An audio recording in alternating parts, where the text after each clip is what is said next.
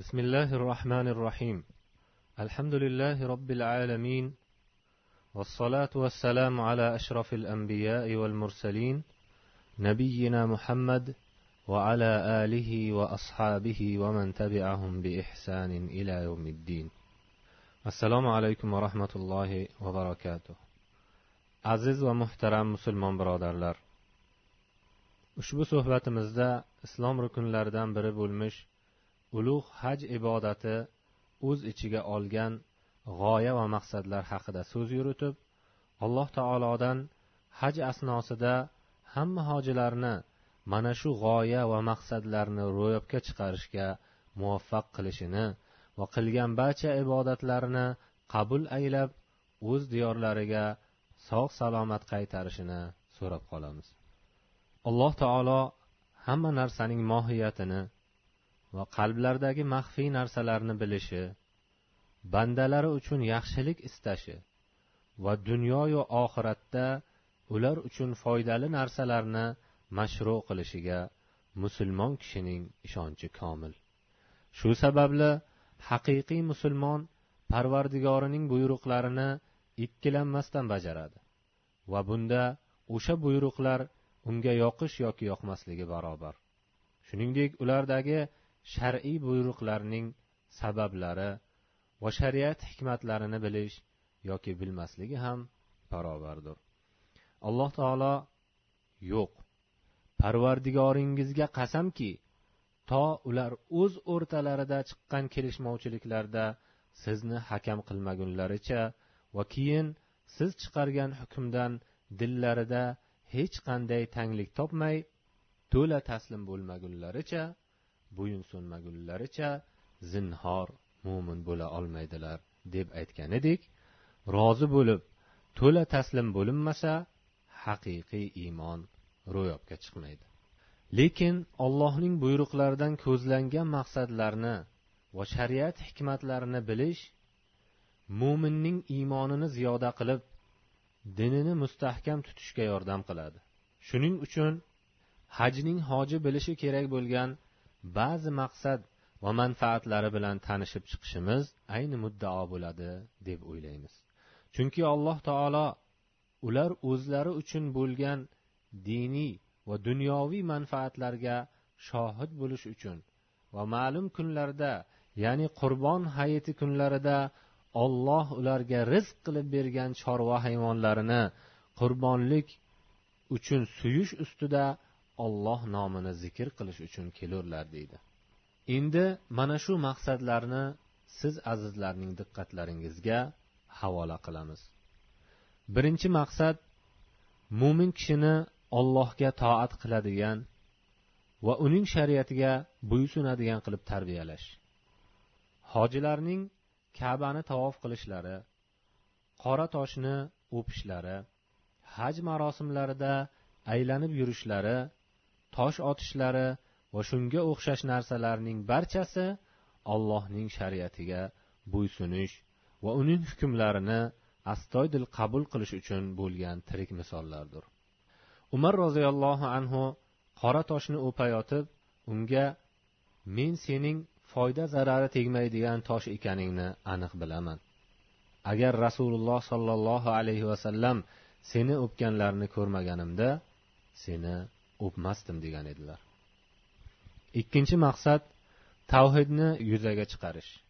Alloh taolo payg'ambari ibrohim alayhissalomni tavhidni yuzaga chiqarish uchun kabani qurish va uni shirkdan tozalashga buyurib eslang biz ibrohimga baytullohning o'rnini belgilab berib sen menga biron narsani sherik qilmagin va mening baytim uyimni tavof qilguvchilar qiyom ruku sajda qilguvchilar uchun pok tutgin deb aytgan edi.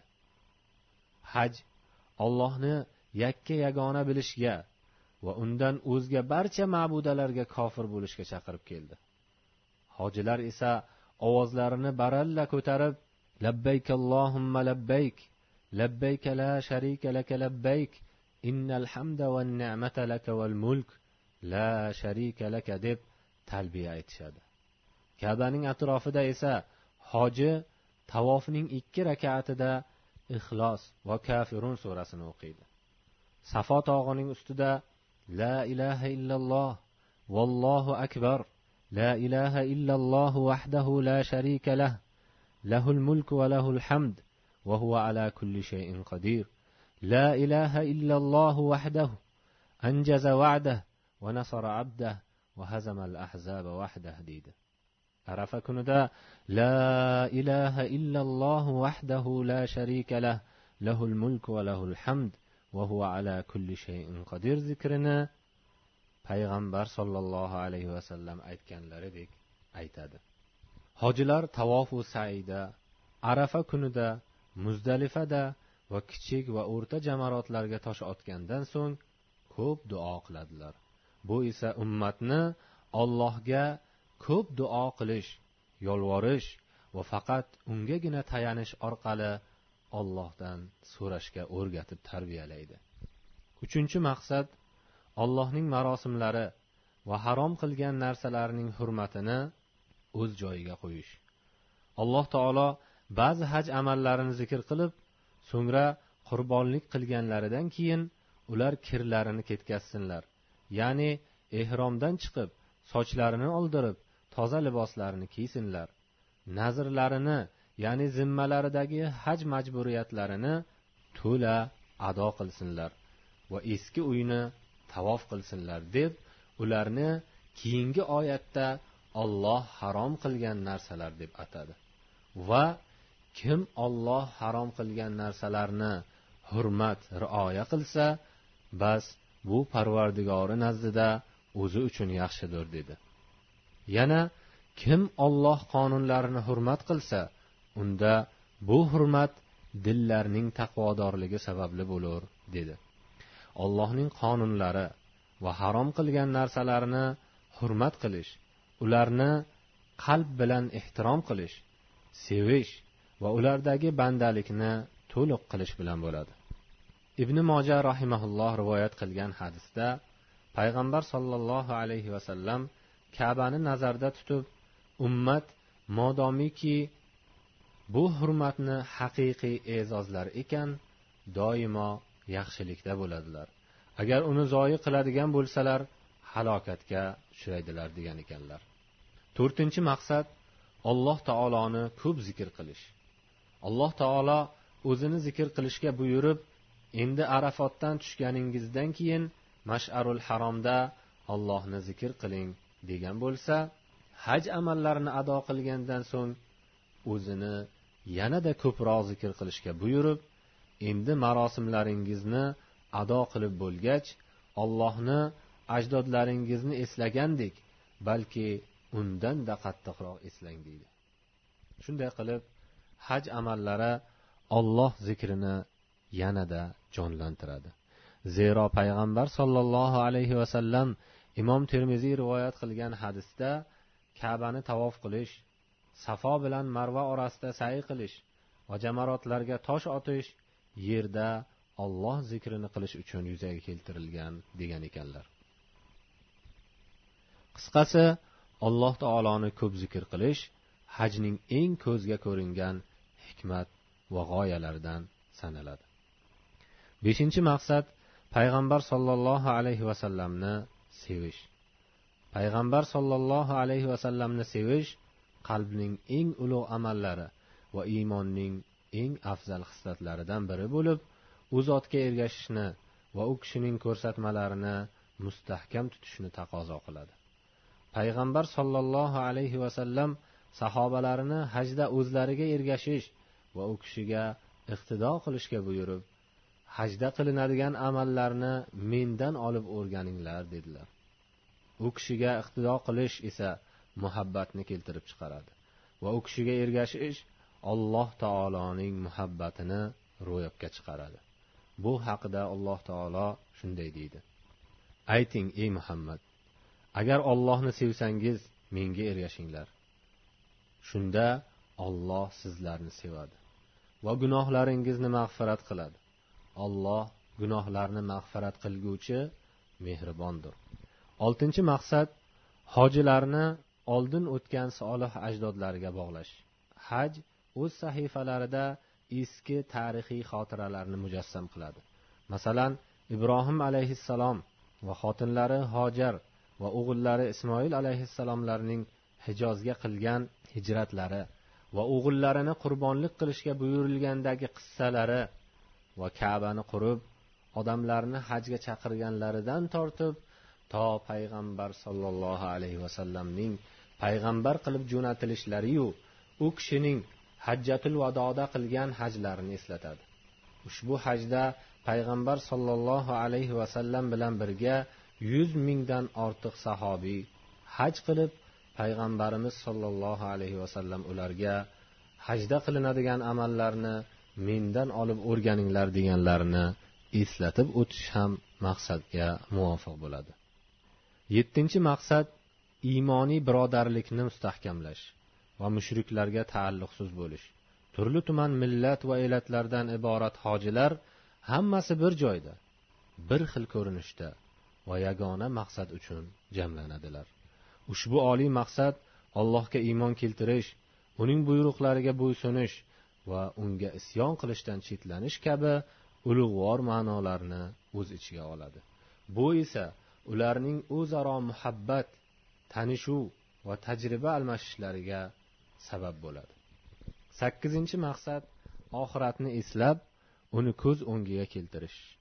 Har bir hojiga safar mashaqqatlarini boshidan kechirib o'z vatanini tashlab hajga jo'nab ketayotganda o'lim sababli dunyoni tark qilib oxirat va uning dahshatlariga yo'liqishini yodga olishi o'rinli bo'ladi. Ehromdagi kishi ehrom kiyimini kiyganda kafan kiyadigan kunini va parvardigoriga dunyo ahli kiyadigan kiyimlardan o'zgacha kiyim bilan yo'liqishini eslashi kerak bo'ladi.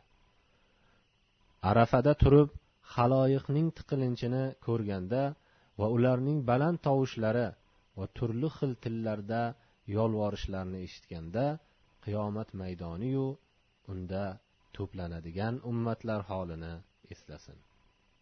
To'qqizinchi maqsad alloh taolodan qo'rqishni ro'yobga chiqarish. Hajdan ko'zlangan g'oyalardan biri alloh taolodan taqvo qilishni ro'yobga chiqarish. Shu bois haj oyatlarida taqvoning hajga chambarchas bog'liq ekanini ko'ramiz. Shu oyatlardan birida alloh taolo ollohdan qo'rqingiz va bilingki olloh azobi qattiq zotdir degan bo'lsa yana boshqasida eng yaxshi ozuqa ya'ni o'zingiz bilan birga bo'lishi lozim bo'lgan eng yaxshi narsa ollohdan qo'rqishdir. Mendan qo'rqingiz ey ahli donishlar deydi. O'ninchi maqsad ummatni yaxshi urf odatlar va go'zal axloqlar bilan tarbiyalash. Shulardan birinchi va ikkinchisi iffat g'azabni bosish va tortishuvni tark qilish bo'lib alloh taolo bular haqida baqara surasida kim shu oylarda o'ziga hajni farz qilsa haj qilishni niyat qilsa haj davomida juftiga yaqinlashmaydi. Gunoh ishlar janjal suron qilmaydi deydi. Ato rahimaulloh oyatdagi janjal so'rondan maqsad o'z hamrohi bilan talashib bir birining g'azabini chiqarishlaridir degan ekanlar. Uchinchisi xotirjamlik va muloyimlik bo'lib bu haqida payg'ambar sollallohu alayhi vasallam muzdalifadan tushayotib tuyalarni qattiq haydash urish va qiyqiriq ovozlarini eshitib ey odamlar xotirjam bo'linglar chunki ezgulik shoshilish bilan bo'lmaydi dedilar. To'rtinchisi jonbozlik va hojilar to'dasiga qo'shilib ketish. Banda hajda o'z manfaatidan kechib o'ziga xos bo'lishi mumkin bo'lgan narsalardan ham kechadi. Va libos xitob amal va haj marosimlarini ado etish uchun ko'chib yurishda hoji birodarlari bilan qo'shilib ketadi. Beshinchisi xato va kamchiliklardan kelib chiqadigan mas'uliyatlarni o'z bo'yniga olishni o'rgatish.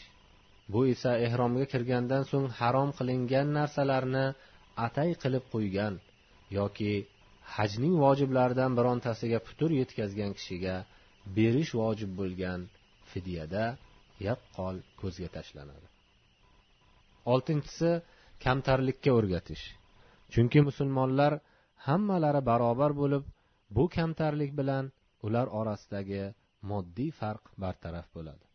Darhaqiqat payg'ambar sollallohu alayhi vasallam hajjatul vadodagi xutbalarida shunday degan edilar. Ey odamlar ogoh bo'linglarki sizlarning parvardigorlaringiz bitta otalaringiz bitta. Yana ogoh bo'linglarki arab kishining ajamlarga va ajamning arablarga va qizil tanli kishining qora tanli kishiga va qora tanli kishining qizil tanli kishiga taqvodan boshqa narsalarda ortiqligi yo'q. Yettinchisi sabrning barcha turlarini o'rgatish. Zero banda hajda o'zini shahvatlardan tiyadi va uni ollohning buyruqlarini bajarish yo'lida qiyinchilik va charchoqlarga ro'para qiladi. Bu esa o'z o'zidan gunohlarni tashlashga toatlarni bajarishga va hajdan so'ng shu narsa yo'lidagi aziyatlarga bardosh berishga undaydi. Sakkizinchisi saxovat va fidoyilik bo'lib bu narsa banda haj nafaqalarini bo'yniga olishiyu hajda sheriklaridan ajralib qolgan kishilarga ehson qilishida yaqqol ko'rinadi. To'qqizinchisi tartib intizomga o'rganish. Hajdagi buzish joiz bo'lmagan qaydlar cheklashlar va vazifalar bandaga tartib intizomga rioya qilishni o'rgatadi. Hajda yana boshqa dunyoviy va uxroviy shaxsiy va ijtimoiy manfaatlar bo'lib ularni sanog'iga yetib bo'lmaydi. Bunga oyatdagi manfaatlarning noaniq qilingani dalolat qiladi. Alloh taolo haj surasida ular o'zlari uchun bo'lgan diniy va dunyoviy manfaatlarga shohid bo'lish uchun kelurlar deydi. Aziz va muhtaram musulmon birodarlar shu bilan ushbu suhbatimizni yakunlab alloh taolodan hammamizga riyosiz xolis o'zi uchun haj qilishni nasib qilishini va undan onadan tug'ilgandek gunohlardan pok qilib chiqarishini so'rab qolamiz.